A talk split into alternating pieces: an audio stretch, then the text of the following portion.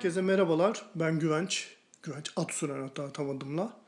Ee, bir süredir bildiğiniz üzere Film Lovers Radyo altında bir takım podcast girişimlerimiz vardı. Ee, bu podcastlerde daha çok sinema gündemindeki ve televizyon gündemindeki gelişmeleri değerlendiriyorduk. Velhasılı kelam 2020'nin başından itibaren de birazcık bu konuda podcast konusunda e, işleri genişletmeye, biraz farklı konseptlere alan açmaya karar verdik. E, dolayısıyla işte zaten takip ediyorsun, edenler biliyordur. Etmeyenler de etsin rica ediyorum. E, Utku Götürk ve Esen Tan hafta içi her sabah sinema ve televizyon gündemini takip etmek üzere Ajans isimli podcast'te ki önceden ben de vardım onun kadrosunda ki soranlar olmuş siz niye yoksunuz efendim falan diye. Ee, işte ajansa devam ediyor dediğim gibi Utku ve Esen. Ben de bu yeni sezonda e, başka sinema yazarı arkadaşlarımla birlikte e, Dekadraj adını verdiğim bir podcast serisine başlamış bulunuyorum. Bu da onun birinci bölümü. Yanımda da sevgili arkadaşım eskiden beri benim podcastleri podcast, bu yola beraber çıktığımız Sezen Sayın Alp var. Merhaba. Ee, e, dekadrajı da birazcık kısaca ne olduğundan bahsedeyim isterseniz. Ee, şöyle aslında Film Lovers'ın YouTube kanalına biz şimdi Kutsal Motor'u kaptırdığımız o dönem Film Lovers'ın vi, e, video sorumlusu olan Övgü'yle bir video serisine başlamıştık. Adı Dekadraj'dı. Tıpkı bu podcast serisi olduğu gibi. Genel olarak mantık şu. E, sinema tarihinden hak ettiği değeri görmediğini düşündüğümüz yönetmenlerle ilgili bazı işte onların sinemasını kısaca açıklayan videolar yapıyorduk. Şimdi bu konsepti podcast'te taşımış durumdayız. Yani çünkü aslında neden böyle bir şey yaptığımızın e, hem bu video serisinin mantığını hem de şimdi ki podcast serisinin mantığının ortaya çıkış nedeni şu. Ya ben öyle düşünüyorum. Senin de öyle düşündüğünü biliyorum Sezen. Sanki sinema tarihinde 30-40 tane yönetmen varmış da tüm her şeyi bunlar yap. Bunun gibi bir durum var. Özellikle hani sosyal medyada vesaire baktığımızda hani ilk birkaç akla gelen isim işte Tarkovski falan. Ve. Tar- Tarkovski ve Polaroid'leri falan gibi. Bu şeyden bir döngüden biraz evet. çıkalım. Belki hani e, belki başka keşiflere de başka filmlere de e, görmeye imkan olur diye. Aslında bu bahsettiğin önemli bir nokta. Hani bununla ilgili şey söyleyebilirim belki.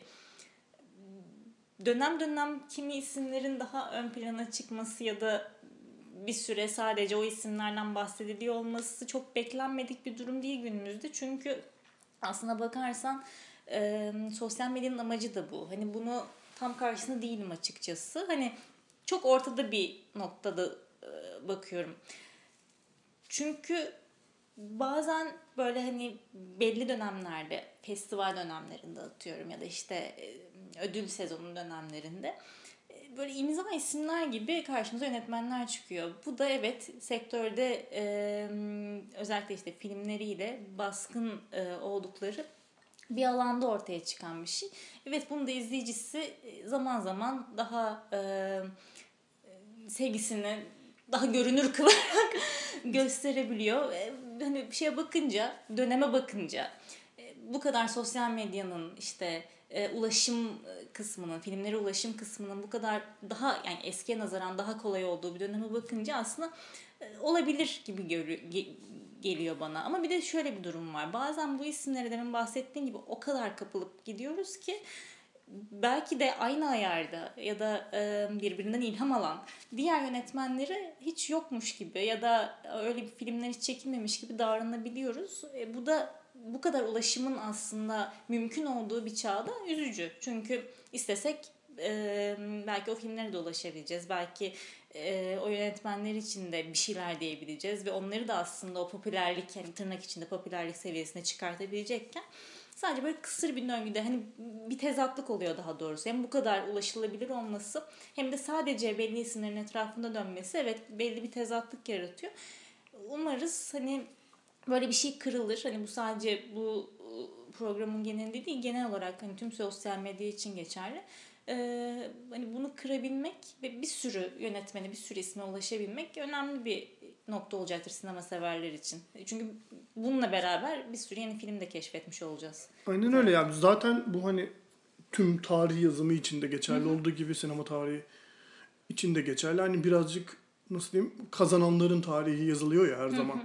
Ya dolayısıyla hani daha büyük sinema ülkelerinin yani hani işte Hollywood'u ya işte E, tabii tabii. İngilizce konuşan ülkeleri bir kenara bırakırsak işte yani e, Sovyetler Birliği gibi şey veya Rusya gibi veya işte e, biraz daha perspektifi genişletirsek işte Japonya gibi. E, hani böyle kendi kültürlerini oturtmuş. Yani çok uzun süredir bir kültürel yaşantıya sahip olan ülkelerin e, sinemaları ve dolayısıyla da işte yönetmenleri çok ön plana çıkıyor. İşte o aradan sıyrılabilen işte yine belki yani yine Fransa'yı söyleyeceğim ama Fransa da zaten çok büyük bir sinema ülkesi olduğu için artık oradaki çoğu yönetmen de artık biliniyor ki aslında hala belki önümüzdeki bölümlerde görece adı e, hak ettiği kadar duyulmamış Fransız yönetmenlere de eğilmek gibi bir niyetim var benim. Çünkü orada da sanki böyle 3-4 yönetmen varmış gibi bir algı var.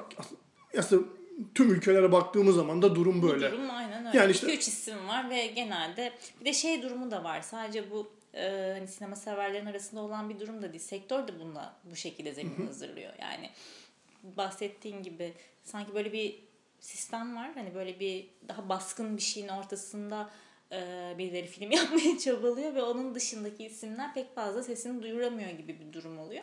Halbuki e, bunun izleyicisi olan tarafın e, birazcık daha e, şeyle, daha şevkle yaklaşarak Biraz daha talepkar, daha biraz evet, daha böyle hani kolları da açarak. Mesela şey gibi hani böyle bir film izledim, bu yönetmen vardı. Bunun gibi başka neler var? Muhakkak bir şeyler vardır. Biri birinden ilham almıştır. Ya da önü sonu e, bir işte akımı bir şey vardır. Bununla ilgili e, neler bulabilirim diye düşünmesi gerekiyordur belki. Ama bu şey gibi e, gelmesin hani sanki bütün izleyicilerin böyle bir sorumluluğu var. E, tabii ki Değil. yok Yani bu zaten sadece keyif aldığımız bir şey için yapıyoruz bunu. Yani sinema seyretmeyi, film seyretmeyi seviyoruz ve o yüzden e, bunlar hakkında konuşuyoruz. Yoksa böyle bir e, görev bilinciyle Ya yaklaşması tabii ki gerekmiyor. kim ne tabii istiyorsa kimsenin. Ee, yani bu genel ve bence gerekli olan ilk bölümün başında olması gerekli olan girizgahtan sonra yavaş yavaş bu bölümün e, Konuğuna. konus, konuğuna ve konusuna doğru inelim. Aslında o dediğin şey çok doğru. Ee, bu şey hani izlediğimiz ve o izleyip sevdiğimiz şeylere ilham olan şeylere doğru yönelmek kısmı e, nasıl diyeyim ya sinema sevgisinin hatta belki hani çok yine bence özellikle Türkiye sosyal medyasının içi boşaltılmış bir kavram olan sinefilliğin böyle olmazsa olmazı gibi geliyor bana. Ee, ve bu bağlamda da baktığımız zaman bugünkü e, konumuz olan yönetmen adını artık söyleyelim 10 dakika oldu neredeyse hala adını söylemedik. Çek Cumhuriyeti'nden çıkmış hatta o dönem Çekoslovakya'dan çıkmış ki sanırım kendisinin doğduğunda da o topraklar Avusturya Macaristan İmparatorluğu'nun toprağıymış. 1910'du Evet galiba, 1910 doğumlu. Ee, Karel Zaman'dan bahsediyoruz. Bu ilham aldığı noktasındaki isimlerin de birkaç tanesini verip yavaş yavaş onu da sinemasına geçeriz. Bir tanesi çok bariz bir şekilde Terry Gilliam. Evet, Ee, evet. yani Daha doğrusu onun e, ilham verdiği.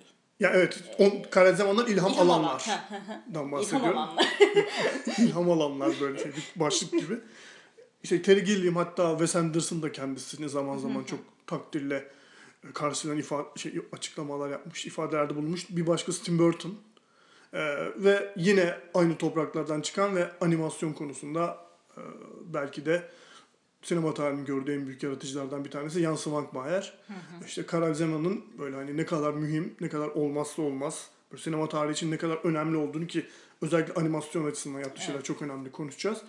Ee, ve hani Karel Zeman dediğim gibi bilinmiyor gerçekten. Hani Türkiye'de bilinip bilinmemesini de bir kenara koyuyorum.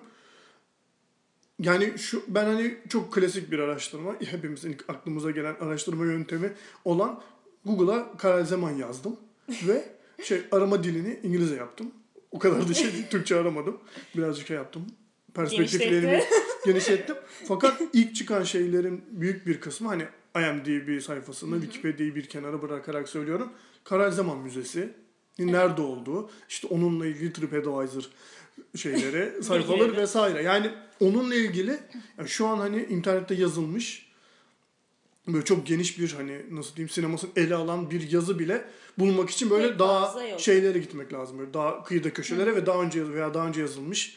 Ya ve- daha niş mecralara mutlaka dergilerde E, tabii ki, yani onu. Yani makaleler tabii ki kitaplarda, ama direkt dergilerde bulunabilecek şeyler, şeyler yok ama hani böyle bazı işte internet siteleri var hani böyle çok görece bu, hani bu podcast'ın belki kap- kapsamına girebilecek e, yönetmenlerin profillerine yer vermiş işte onun filmografilerini inceleyen yazıların olduğu mecralarda bile Kara Zaman'la ilgili hani böyle çok ufak tefek belki hani birkaç filmin eleştirisini incelemesine rastlayabilmek mümkün. Diyerek belki çok uzun konuşarak sana bir lafı Şeyden, küçükten sana başlayıp e, bırakmak isterim. yol açtım mesela hani e, ondan ilham alan yönetmenlerden.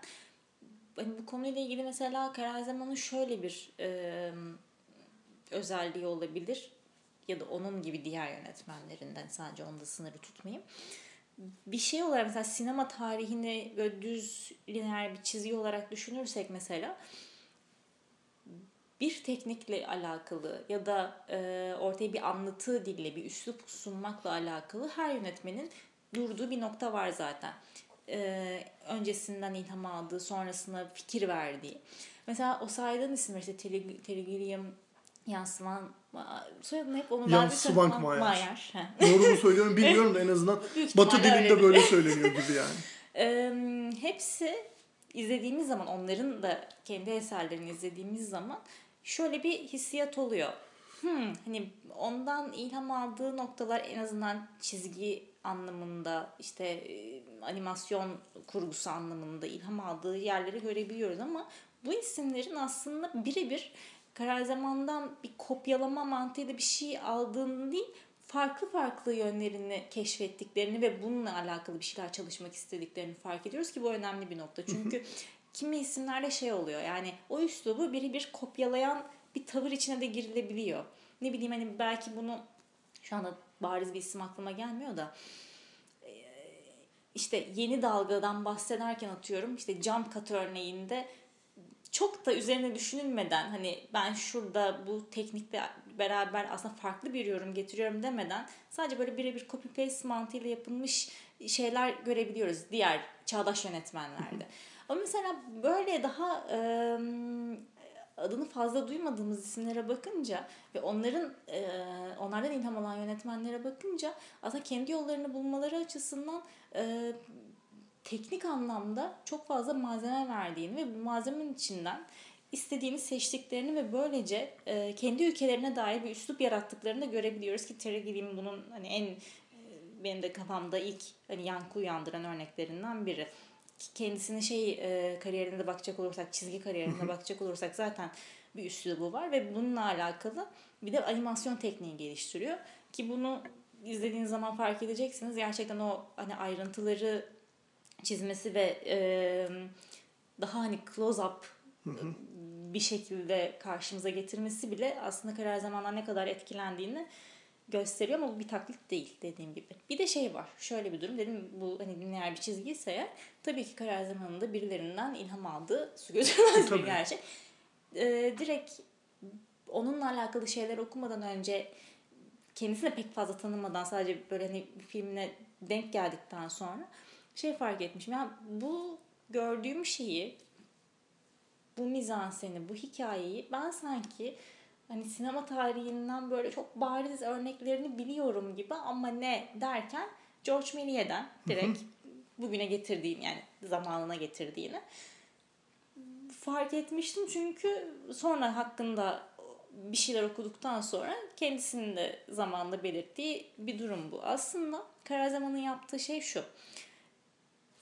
Görsel dünya ile alakalı bir anlatı aracı kuruyor filmleri üzerinden ve bunu animasyonla yapıyor. Ama bu animasyonu bizim şu anda bildiğimiz ya da genel geçer gördüğümüz bir teknik üzerinden değil. Yani şu an animasyon deyince aklımızda canlanan ilk şey İlk değil şey belki. değil.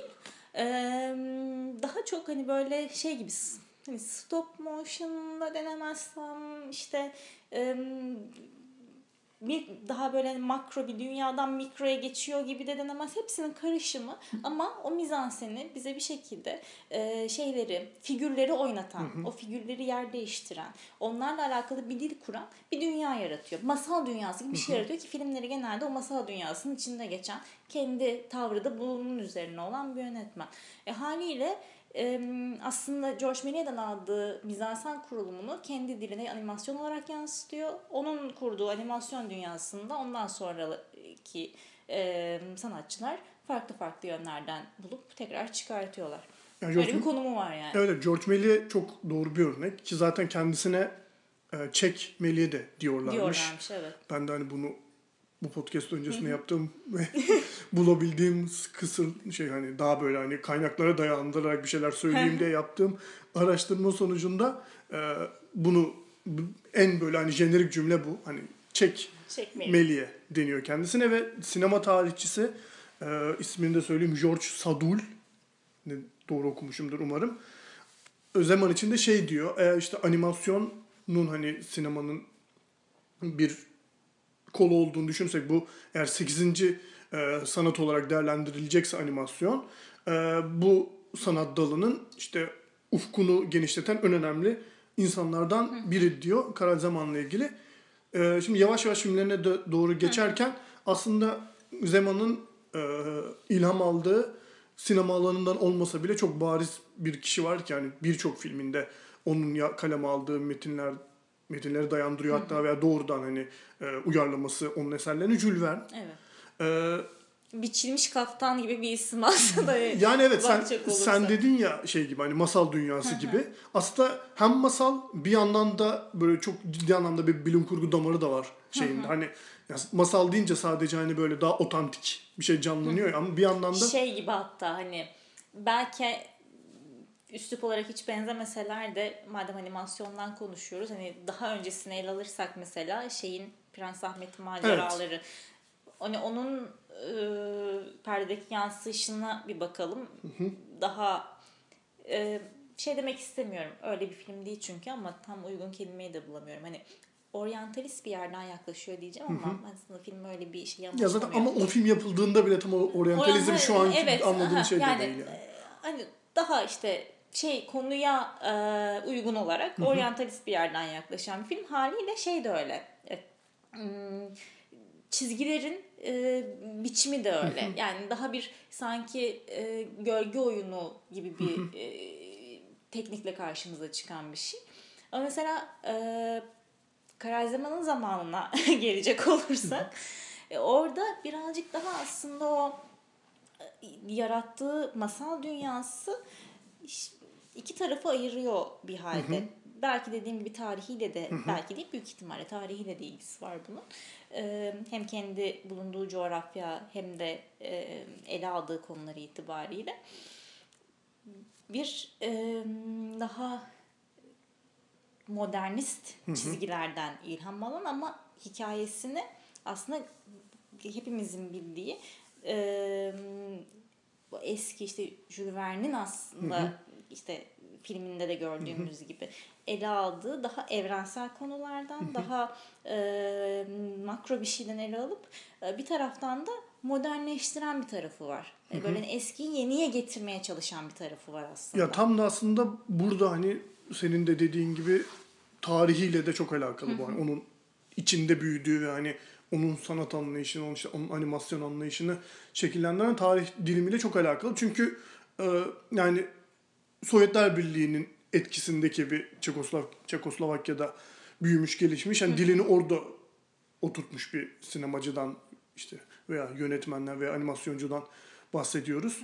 Dolayısıyla hani zaten onun yaptığı şeyler birçok kaynakta e, Sovyet bilim kurgusunun altında da incelenme inceleniyor ve yani bunun da şey hakkını veriyor yaptığı bir şeyler. bilim kurguya da giren bir şey Evet evet. aslında. Yani. Yani. mesela o Jules Verne'in yani Fabulous World of, World of Jules Verne diye bildiğimiz Deadly Invention, ölümcül e, nasıl çevirebiliriz onu? Ölümcül icat gibi e, Türkçe'ye de çevirebileceğimiz film aslında yani bir yandan da dediğin gibi Jules Verne uyarlaması ve bir bilim kurgu bir yandan.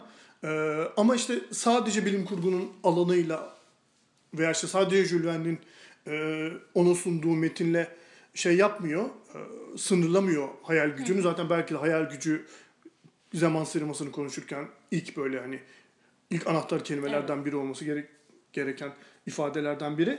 Dolayısıyla yani onun perspektifi de e, ele aldığı metin mi veya işte ele aldığı konumu neyse sürekli e, alanını genişletme, e, onun kapsamını genişletmeye yönelik bir şey var aslında, yaklaşım var her Var. şey.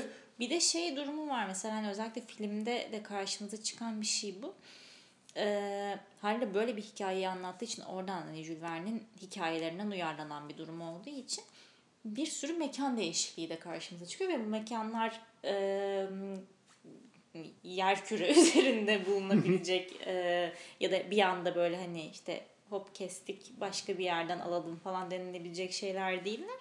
Bir taraftan e, aslında zamanın sineması buna da olanak yaratan bir şey. Çünkü eğer siz nasıl şu an için de geçerli bu. Şu an için şöyle bir artısı var. Teknolojinin gelişmesiyle birlikte elinde bir sürü imkan var yönetmenlerin. Tabii ki bu parayla doğru olan orantılı gelişen imkanlar fakat kamera e, kalitesinden tut işte yapım tekniğine vesaire vesaire bir sürü şey geçiyor eline. O dönemlere dönüp bakarsak aslında bu tekniklerin hiçbiri yok. Fikren belki var. Belki gelişme aşamasında ama yok.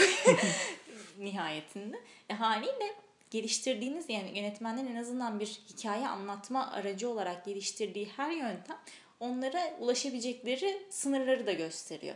Zaman o yüzden döneminin sınırsızlığını da anlatan bir e, şeye sahip, bir üsluba sahip. Çünkü hani uzaya da çıkılabiliyor, bilinmedik yerlere de gidilebiliyor. Oradan işte e, farklı farklı şeylerle görmediğimiz araçlarla bir anda işte kadraja da girebiliyor ve bunlar bir anda ol- oluyor. Her işte kurguya da hizmet ediyor, hikayeye de hizmet ediyor, uyarlamaya zaten birebir onun içinden çıktığı için direkt hizmet ediyor. Böyle olunca da işte o hayal gücünü kullanabilme e, durumu artabiliyor. Çünkü tam hayal gücü deriz ama bunu gösteremedikten sonra yönetmenin dünyasıyla alakalı anlayabileceğimiz bir ipucu kalmaz.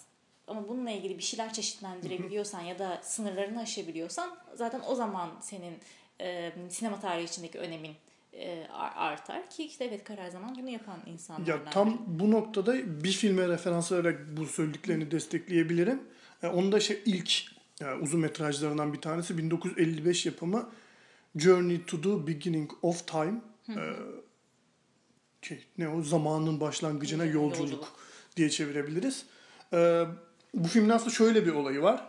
E, doğrudan Jules Verne uyarlaması olmamasına rağmen esinini Jules Verne'in şey e, Dünyanın Merkezine Yolculuk e, kitabından alıyor. Ve yani filmin başında çok önemli bir şey var. Hem Zeman'ın sinemaya bakışına veya işte kendi anlatı yapısına bakışına ve işte onun hayal gücüne dair bir şeyler sunan. Genel olarak şöyle e, bir grup çocuk yanlış hatırlamıyorsam dört kişiler. e, Onlar işte zamanın başlangıcına doğru bir yolculuğa çıkıyorlar. Tamamen fantastik bir yolculuğa. Ve işte Jules Verne'in evreninden çıkan böyle işte fantastikle zaman zaman işte bir tutamda bilim kurguyla yoğrulmuş bir yolculuğa çıkıyorlar.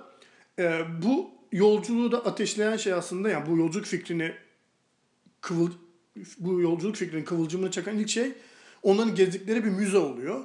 Bu müzede de işte işte mamut fosillerine, işte mamut iskeletlerine, dinozor iskeletlerine falan e, denk geliyorlar. Onları görüyorlar. Ve işte kendi aralarındaki diyaloglarda işte e, tamam bunlar çok güzel ama bunların sadece böyle duruyor olması bana hiçbir şey ifade etmiyor. Onların hareket ettiğini görmek istiyorum diyor. Ve benzer şekilde de yine işte Jules Verne doğrudan bir referans veriyor filmin içerisinde. E, bu gördüğümüz şeyler e, Jules Verne kitaplarındaki gibi ama onlar acaba gerçek hayatta olsaydı Nasıl nasıl, olurdu? gibi hani böyle çok bariz. İşte dediğim gibi zamanın ilk uzun metraj çalışmalarından bir tanesinde zaten onun ne yapacağını, işte hayal gücünün sinemadaki karşılığını bulmaya yönelik e, nasıl bir yola çıkacağının zaten ibareleri var, Var. burada. Ve hani görüntü anlamında da işte o demin bahsettiğimiz e, ilhamlardan da beslenen bir şey var. Yani yabancı bir şey değil aslında izlediğimiz ya da o hayal gücünde bizim de ortak olabileceğimiz bir dünya. Hani şey değil uzak gelmeyen bir dünya. Çünkü zaten bu metinleri e, sinema perdesinde olmasa bile e, işte edebiyat çevresinde ya da kendi hayal dünyamızda zaten kurguluyorduk. Zaten ya da bunlar betimleniyordu. Ya zaten Jules Verne hani ya onu okumamış biri için bilen çok fazla şey ifade eden biri. Evet, Çünkü yani. hani neredeyse insanlığın böyle artık default olarak e, bizim benliğimize yerleşen gibi işte balonla 5 haftası işte 2 yıl okul tatilliği Evet. gibi işte bu- biraz önce söylediğim dünyanın merkezine yolculuk Yok. gibi e, yazdığı şeylerle zaten hani hem Ve bilim o kur- dünyayı tanıyoruz aslında. Evet tanıdığımız bir şey. Çünkü ondan ilham alan o kadar çok şey izledik, o kadar şey okuduk. Doğrudan onu okumasak bile o kadar çok işte dediğim gibi karşımıza çıktı ki onun yarattığı o Ve evren. bunu görsel biliyoruz olarak yani. görebilmek e, aslında bir taraftan da riskli bir tercih. Çünkü e, bu şeyle hani artık bu yöntemle birlikte yönetmen bir taraftan da şey yapmaya başlıyor. Senin dünyana müdahale etmeye başlıyor. Bu çok bıçak sırtında kalan bir yer. Çünkü bunu eğer e, o hayal dünyasına zarar verecek bir şey olursa yani işte o görüntüleri iyi yakalayamazsan, o dünyayı iyi kuramazsan, yorumda birkaç eksiğin olursa e, bu sefer metne de hayal dünyasına zarar vermiş oluyorsun. Bu bıçak sırtı durumu iyi kurtarabilmek de aslında yönetmenin elinde olan yani yeteneğinde olan bir şey. Mesela hani bu bahsettiğinden direkt e, işte öncesine referans e, alırsak Ay'a yolculuk geliyor mesela aklıma işte Melih'in. Yani evet yıllar yıllar önce yapılmış bir şey ama aynı e, şey burada da ta- taşıyor. Aynı riski o da taşıyor. Yani kurduğum bir dünya, kafanda kurduğum bir dünya, evet göremediğim bir dünya ama en azından hissedebildiğim bir dünyaya müdahale ediyor yönetmen. Bu bir taraftan da aslında mahreme hani şeye e, izleyicinin mahremine girmek gibi bir duygu. Çünkü düşünsene yani kurduğun, düşündüğün her şeye biri müdahale ediyor. Ve şey gibi de biri. değil, hani- Ve sinema bunun üzerine kurulmuş bir şey ama bunu birebir yani bu hayal gücüne direkt müdahale çok da riskli bir e, yerde. Ya bir de şöyle, bunun üzerine iki şey söyleyeceğim. Bir tanesi dediğin şeye çok katılmakla birlikte ya sinema şimdi e, yani 100 yaşını aşmış bir hani eğlence şeyi, sanat dalı neyse adına ne diye ne dersek diyelim ama bu bu sanat dalı henüz daha yarı yaşındayken işte 50'lerin başındayken zaman yapıyor bunu. Dolayısıyla da hani o işte bilim kurguyu, fantastiği, işte o masalsı sinematik anlatıları nasıl şekillendirdiğine dair zaten e, bu da bir şey söylüyor. Çünkü yani çok erken dönemde bunu Evet. e, hayal etmeye başlay- başlamış bir yönetmen. Bir tanesi de o e, mahremine müdahale etme konusunda şunu söylemek istiyorum. Yani filmlerinde hiçbir zaman şey yok. E, yukarıdan kurduğu ve hani bakın o olaylar böyle olmuştu. O masallar böyle anlatılmıştı gibi bir şey değil. Her zaman seyirciyi de işin içine katarak Katan, evet. bir işte Bir oyun kuran aslında. ya şey Hani bana hep onu filmden izlerken şey gibi geliyor. Hani böyle ya ben yaş olarak hiç onu yaşamadım ama yani hani böyle çok anlatılır ya böyle eskiden ailenin küçük çocukları sopa etrafında şey olduğunu toplaşırmış da ailenin büyüğü işte onlara masal anlatırmış falan gibi. Ben onu filmden izlediğimde hep öyle bir hissiyat doluyor. Çünkü yani doğrudan seni de oyunun içine katıyor. Yani şeyi hissetmiyorsun hiçbir zaman. Çok büyük bir yaratıcının yarattığı bir şeyi izliyorum ve inanılmaz görkemli bir şey şu an bu falan gibi bir şey hissetmiyorsun. Belki de hani şu an biraz geriye doğru dönüp baktığımız için de olabilir bu. Çünkü hani e, 50'lerde bunu izleyen bir çocuğun veya işte 60'larda 70'lerde neyse. İzleyen bir çocuğun hayal gücünde nasıl canlanacaktı onu bilemiyorum ama şu an dönüye, geriye dönüp baktığımda ya Zeman'ın yaptığı şey hiçbir zaman hani ben eee, çok hani sinemada daha önce görmediğiniz türden büyük anlatılar, işte görmediğiniz türden görsel efektler, görmediğiniz türden animasyon anlayışları yaratıyorum ve bunlarla sizin şimdi eee, nasıl diyeyim böyle aklınızı başınızdan olacak. alacağım gibi bir şey yok. Yani çok basit çünkü anlattığı şeyler.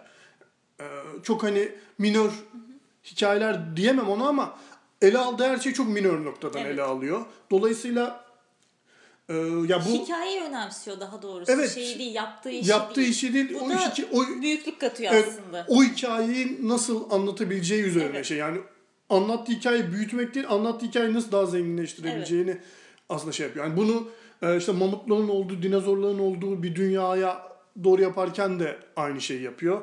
İşte Jules Verne'in işte Fabulous World of Jules Verne filminden bahsedeceksek onun işte o oradaki işte e, o araç diyeyim artık ona nasıl diyeceğimi bilemiyorum. Filmi izleyenler daha net anlayacaktır.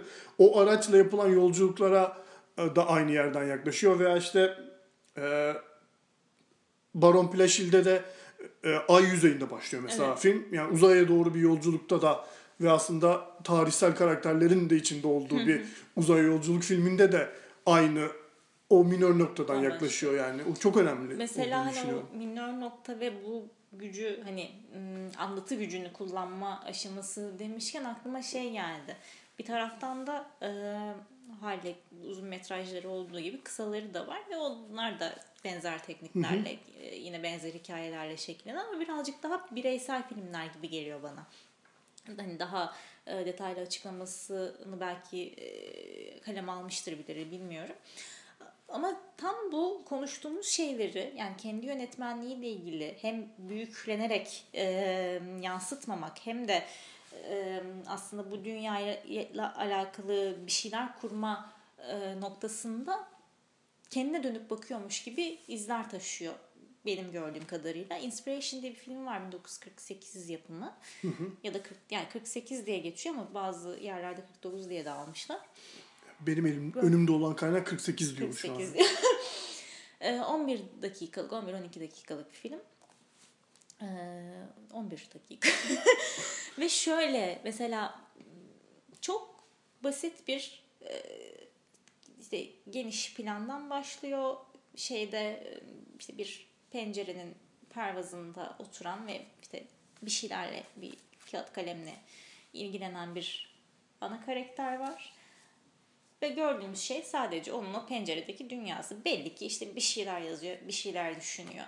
Yani çok anlık, hani ana odaklı, sadece bir karakterin o anki durumuna odaklı bir şey. Ondan sonra e, bahsettiğim şey hani bu kendine dönüp bakma durumu şuradan sonra başlıyor. Biz bu karakterin yakınına geldikten sonra pencereye geçtikten sonra şeylerde o çiçeklerin yaprakların e, aralarında bir damla bir zerrenin içine giriyoruz. Ki bunu filmde e, yapıyor olabilmek zaten işte bu zamanın daha önceden aslında şahit olduğumuz e, dünya kurma becerisinden kaynaklanıyor. Çünkü bir anda kendimizi o damlanın içinde buluyoruz. Ve bu o zerrenin içine girdiğimiz zaman oradaki dünyayı keşfediyoruz. Yani aslında bütün hikaye bu 11 dakikanın içinde bütün olan biten hikaye o damlanın içinde gerçekleşiyor. Ve orada e, görsellikle alakalı da bir şey denemiş. Çünkü filmin mesela şeyi e, yapısı daha çok işte bu yansıma üzerine, cam üzerine, şeffaflık üzerine kurulu.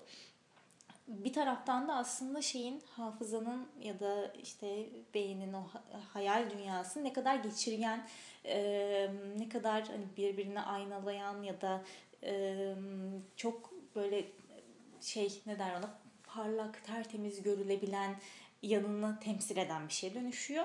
E, ve orada o çok mikro olan dünyada bu sefer camdan figürler görmeye başlıyoruz. İşte balerin var, işte kuşlar var, işte başka başka bir şeyler var. Bunlar gerçekten camdan yapılmış yani hani şey değil. Ee, herhangi bir teknolojik müdahale yok. Cam figürler hepsi. Ve stop motion tekniğiyle gerçekleştirdiği bir animasyon.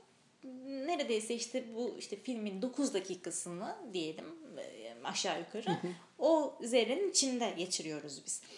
Ve bir taraftan aslında bir izleyici olarak da o e, filmde gördüğümüz ana karakterin dünyasına ne kadar dahil olduğumuzu gösterirken yani bir yani ufak bir damla gibiyiz aslında onun hayatında ve onun gördüğü şeylerin çoğunu yorumlayarak görebiliyoruz. Bir taraftan da aslında bu seyir durumunda izleyicinin konumunu yansıtırken bir taraftan da e, oradaki ana karakterin dünyasının e, ne kadarına şahit oluyor izleyici ve aslında o dünya o şahit olduğunun da ötesinde ne kadar derin ve bir sürü karakterli işte şenlikli bir yer gibi geliyor.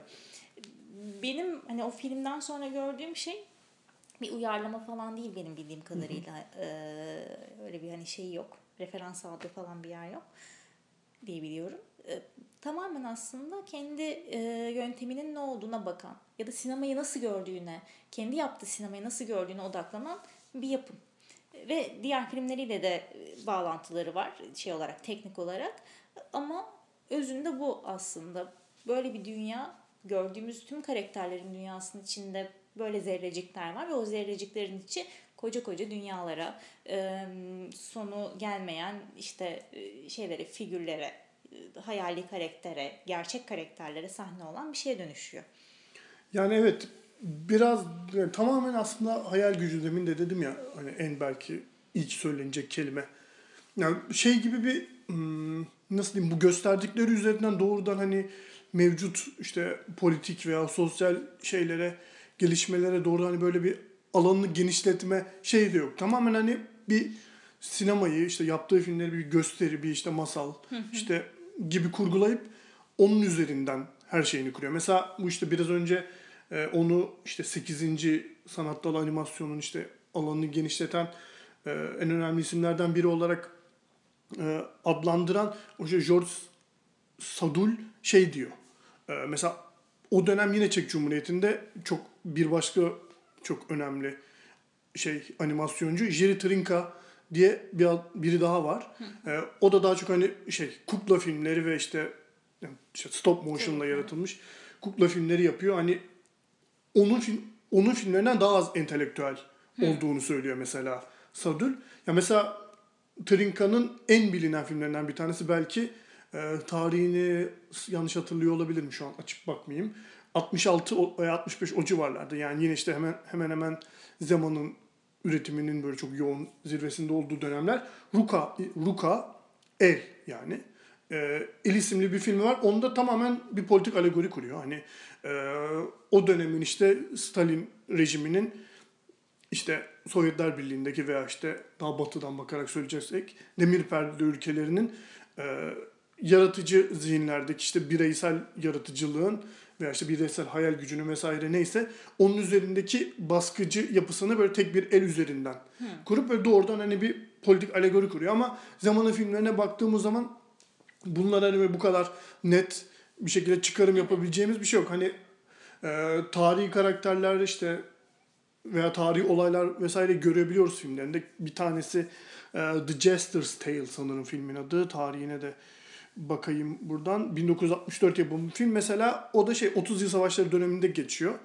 E, ama hani doğrudan o döneme çok böyle hani bir referans vermek yerine o dönem üzerinden böyle şakacı, yine oyunbaz, hani böyle e, oldukça nüktedan ve aslında işte savaş denen ve işte savaş denen şeyin e, kimler tarafından çıkartıldığını veya işte o çıkartan kişilerin aslında ne kadar e, e, nasıl Kendi diyeyim? çıkarları doğru Yani hani bir şeyler böyle içi boş Evet. şeyler peşinden gittiğiyle dalga geçen böyle dediğim gibi hani biraz işte hani Türk bu yani bu toprakların kültüründen böyle fıkra tadında anlar üzerinden ilerleyen hani böyle nüktedan bir film aslında. şey gibi aslında yani birebir bizzat bir olaya bakmaktan ziyade tüm bir kavrama bakan ve bununla alakalı bir şeyler söylemek isteyen bir yapısı var. O yüzden de alegori gibi şeyler o kadar işlemiyor. Evet mesela hani en bilinen filmlerinden bir tanesi biraz önce de adını geçecek Baron Pl- Plaşil, Plaşil e, Adventures of Baron Munchausen ismiyle de biliniyor. Hani batılı ismi. O da şey zaten hani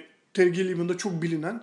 Yine sanırım onun adın onun filminin adını da Adventures of veya işte yanlış da söylemeyelim. Adını da hani yine aynı karaktere Evet, evet. odaklanan ve hani çok büyük bütçeyle çekilmiş ve o dönem çok büyük zarar etmiş böyle rüya gibi bir oyuncu kadrosu olan bir filmi var Terry Gilliam'ın. Doğrudan aynı karakterle ilgili. Bu da hani tarihsel ve hani biraz mit gibi bir figür. Mesela onda da e, tüm filmlerinde olduğu gibi o karakterin peşinden yine işte dünyayı geziyor. Mesela onda şey de var. E, ay üzerinde buluyoruz bizi karakteri filmin hemen başında. Ve, ve yanında şey var. Cyrano da Belgerac da var. Aynı karakterin yanında. İşte bir kozmonot onu buluyor ve ondan sonra yine yolculuklara çıkmaya başlıyoruz. O karakterin peşinden. Ki zaten şeyin e, Gilliam'ın filminin yapısı da çok benzer. O da işte oradan oraya işte galaksinin, dünyanın neyse işte değişik yerlerinde gezip oradaki durumlarla ilgili işte değişik maceralara atılır. Mesela küçük bir detay mesela şeyde bu Baron Plaşil filminde tarihini de söyleyeyim. 61 yapımı o film. E, mesela 18. yüzyıl Türkiye'sine geliyor mesela orada bir şey yani orada mesela o Prens Ahmet referansıyla söylediğin o şeyi biraz oryantalist şey orada da görebiliyoruz. Ama zaten hani oryantalizm dediğim şey o zaman hani belki daha yeni yeni ortaya çıkan bir şey. Bir de şey durumu da var ya bu hani sadece oryantalist kısmına bakacak olursak aslında bu, bu kavramlar 60'lardan sonra işte postmodernizmin e, daha devreye girmesiyle daha farklı bir anlama e, dönüştü falan filan. Dediğin gibi o tarihlerde aslında bu şu an kullandığımız haliyle kullanılan ya da bu şekilde sanılan bir durum değil. Yani evet. oradaki çünkü oradaki orada hani bunda tabii hani şey Binbir Gece masallarında çok büyük etkisi var. E, masal diyarı olarak Evet. görülüyor. İşte o Çok dönemde. uzakta kalan bir yer Evet çok uzak. Hani aslında. Yani. şimdiki gibi hani 2 saat 3 saat uçak yolculuğuyla gidilebilen bir coğrafya olmadı. Yani çok uzaktan bakılan ve işte tabii ki bahsettiğin gibi Prens Ahmet'in yolculuğunda zaten işte Prens Ahmet Binbir Gece masallarındaki bir karakter. ve dolayısıyla hani o çok büyük bir metin olduğu için Binbir Gece masalları e, batıdan oraya doğru baktığın zaman hani ilk görünen şey. Evet. Dolayısıyla e, hani masal diyarı olarak karşımıza çıkıyor daha çok bu tarz yerler ki zaten bahsettiğimiz gibi masal, hayal gücü, işte erken dönem bilim bilinmeyene kurgu, yolculuk. bilinmeyen yani yolculuk. bu işte ay içinde geçerli. O, o zamanlar daha uzakta kalan e, dünyadaki İşte herhangi bir Orta yer içinde coğrafyası geçerli. içinde yani. veya işte atıyorum Uzak Doğu için de Evet. aynı şey geçer. Çünkü hani o dönem bak yapılmış yani batıda yapılmış ve Uzak Doğu'da geçen filmlere baktığımız zaman da 3 aşağı 5 yukarı işte bu sefer oraya fazla Bir bir, de kendi, e, otantiklik atfediliyor yani. şey yaptığı ne der ona ürettiği e, mitlerde, halk hikayelerinde yetiştirdiği işte e, insanlarda da bu benzer şeyleri görüyoruz ya yani sonuçta Orta Doğu coğrafyasından bahsederken de dediğin gibi Uzak Doğu'dan bahsederken de karşımıza işte türlü türlü e, hikayeler çıkıyor. Yani hani bu e, hani tarihten e, işte ta- çağlar öncesi dönemden gelen e, hani karşımıza çıkan gerçek hikayeler de mevcut. E, Böyle olunca haliyle o birazcık daha şey yapıyor. Hani efsunlu bir E, tabii. hal katıyor. Haliyle o masal dünyasını bir anda önüne sür, sür ama neler ona sunmuş, Oluyor. sürmüş oluyor. İkisi de olur. evet. Ee, Valla karar zamandan girip şeye ne derler otan ne oryantalizme Orient- kadar varan bayağı geniş kapsamlı Terry Gilliam'a girdik, Tim Burton'a girdik. Evet. Bayağı böyle e, geniş bir sohbet olmuşken benim bu podcast serisinde aslında sohbeti iki soru üzerinden kurgulamak gibi bir fikrim vardı. Bir tanesi neden daha bu yönetmenler hani bu bölüm üzerinde konuşacaksak Karel Zaman daha fazla kişi tarafından bilinmeli. Aslında bunun cevabını verdik bence. Evet yani O yüzden- filmlerinden ya da yönteminden Evet bahsederken uzun uzadıya zaten ne kadar hani önemli ol, önemli bir yerde durduğundan zaten bahsettik. Ama bence e, bana sorarsan daha önemli olan şey çünkü hani tarih yazımıyla da doğrudan ilgili olan şey sence neden bilinmiyor? Tabii ki bunu hani şu an 2-3 dakika bunun üzerinde konuşarak bir sağlam bir cevap veremeyeceğiz ama bununla ilgili de fikir jimnastiği yapmak biraz zihin açıcı olabilecek diye düşünüyorum aslında bakarsan. Ya o aslında şeyin podcast'in en başında bahsettiğimiz e, durumla da ilgili. Yani kimi yönetmenlerin yaptıkları, ürettikleri e, işlerde e, hani bir türe odaklı ilerliyoruz ya biz. Yani hangi türde eser üretiyor. Şimdi karar zamana baktığımızda bir taraftan animasyon var, işte stop motion var, bilim kurgu var. E, bir taraftan da bir anlatıcı, hikaye anlatıcısı. Ee, onun kendi dönemiyle alakalı ya da işte sonrasıyla alakalı baktığımızda e, farklı ülkelerden farklı yönetmenlerin daha e, ulaşılabilir olduğunu görüyoruz. Bu hikaye anlatıcılığı ya da işte animasyon bakımından. E, haliyle bulunduğu coğrafyanın da bir önemi var bu noktada. E, onların bir iki adım gerisinde kalıyor ki bu gerisinde kalma durumu e, nitelikle alakalı bir şey değil. İşte nicelikle, ulaşılabilir olmayla alakalı bir şey. Büyük ihtimalle o yüzden ya da şöyle bir durumu e, vardır. Yani muhakkak bir yerlerde Karel Zaman'ın işte filmleriyle alakalı bir e, gösterim vesaire düzenleniyordur ama bu ne kadar yeterli sayıda oldu o tartışılır. Ben açıkçası çok fazla e, gidebildiğim olarak değil tabii ki hani burada Duyabildiğimiz. duyabildiğim kadarıyla öyle bir hani retrospektif tarzında bir şeye e, rastlamadım. En azından yakın tarihte Yakın yok. tarihte evet. Ee, hani hal böyle olunca farklı farklı başka yönetmenlerin, daha ulaşılabilir gözüken yönetmenlerin e, filmlerini daha ön planda tutuyoruz belki de. Bu bakımdan şey önemli bir e, girişim. Criterion'ın geçtiğimiz sene e, hatta kaç 5-6 ay önce falan e, işte şeyi e, ilk Karar Zaman DVD'sinin Blu-ray'ini çıkardı. Üç filmlik bir set Evet, yanlış set hatırlamıyorsam. Çıkardı. Ee, hala böyle mesela işte bu ulaşılabilir olma Evet, durumu ya- böyle firmalarla ya da işte hani böyle işte restorasyon bilmem ne çalışmalarıyla böyle girişimlerle e, çok daha faydalı oluyor ki bu işte Criterion yaptı bunlardan Zaten biri. sinema tarihinde bunu yapmıştı. Evet, aha. Şimdi de hani buraya doğru Evet. Şeyini, perspektifini geliştirmesi önemli ve şeydir bence çok önemli bu noktada. Ya onun sinemasını e, sınıflandırmak çok zor. Yani çünkü hani en başta da dedik ya yani sinema böyle hani belli kalıplar. İşte şu şu film, şu yönetmen şu ödülü aldı.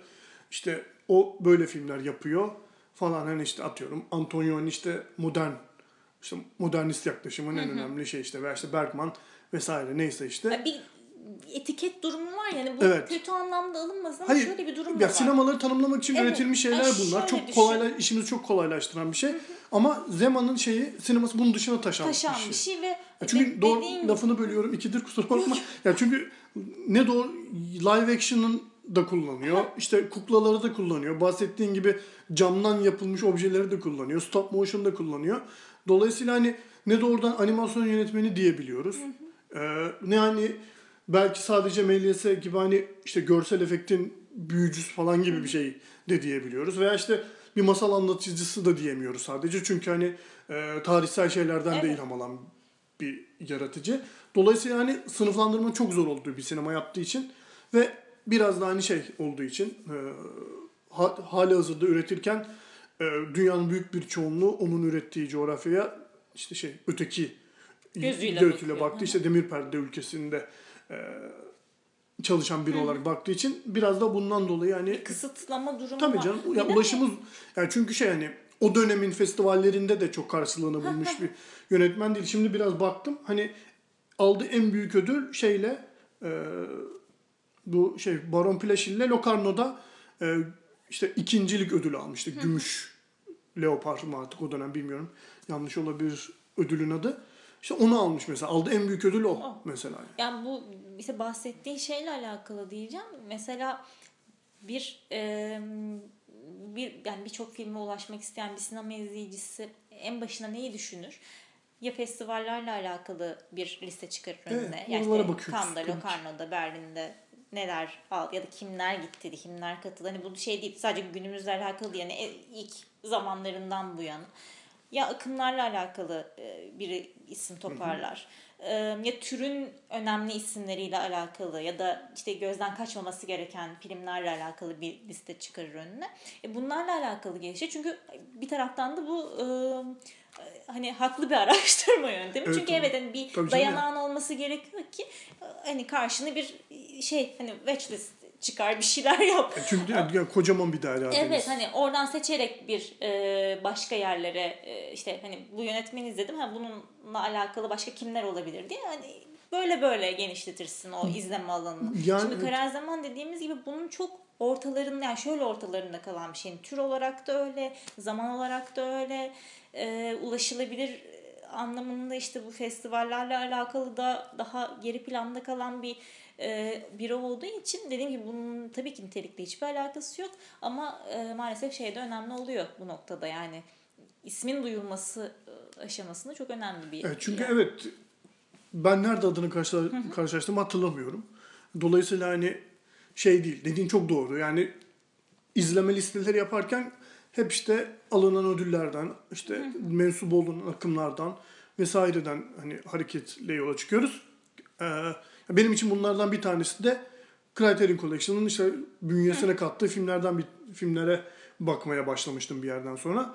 Dolayısıyla hani senin de söylediğin gibi belki işte bu üç filmlik set e, doğrudan o sete ulaşmak günümüz, Tabii. günümüz döviz kurlarıyla neredeyse mümkün olmasa bile en azından o filmlerin, o setten olan filmlerin merak edilmesi noktasında ilham verici en olacaktır. azından şeye ne der onu e, izleme düzeyine çıkmış Evet. oluyor böylece hani perdenin arkasına kalmıyor. Şöyle de bir durum var. Mesela hani daha sonraki bölümlerde hani bir sürü yönetmenden bahsedeceksindir ama e, bir yönetmeni keşfettiğimiz an şu an için internet üzerinden mesela Şimdi bakıyoruz mesela çoğu böyle bir yönetmen varmış, böyle bir film varmış. Karelerinden bakıyorsun bulabildiğin ölçüde ya da fragmanı denk geliyor eğer varsa. Bir, bir bakıyorsun filme ulaşabileceğin, filme ulaşabileceğin hiçbir yer yok. Yani e, hakkında bir eleştiri yazılmamış çünkü gören sayısı çok az. En son hangi festivalde gösterilmiş belli değil. Hani hangi bölümün işte e, şeyinde var belli değil. Kime mail atacaksın da onun kopyasına ulaşacaksın. O öyle bir şey yok. Öyle bir iletişim ağı yok.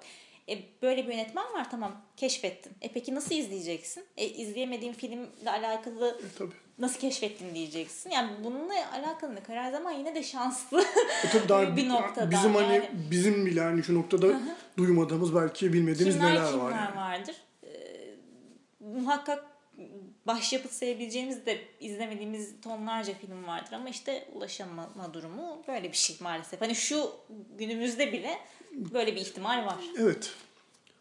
O zaman bu keyifli sohbeti Evet. nihayete erdirmek adına sana çok teşekkür ediyorum. çok bu teşekkür ederim. Dekadrajın ilk bölümünde beni kırmayıp geldin. Ne demek?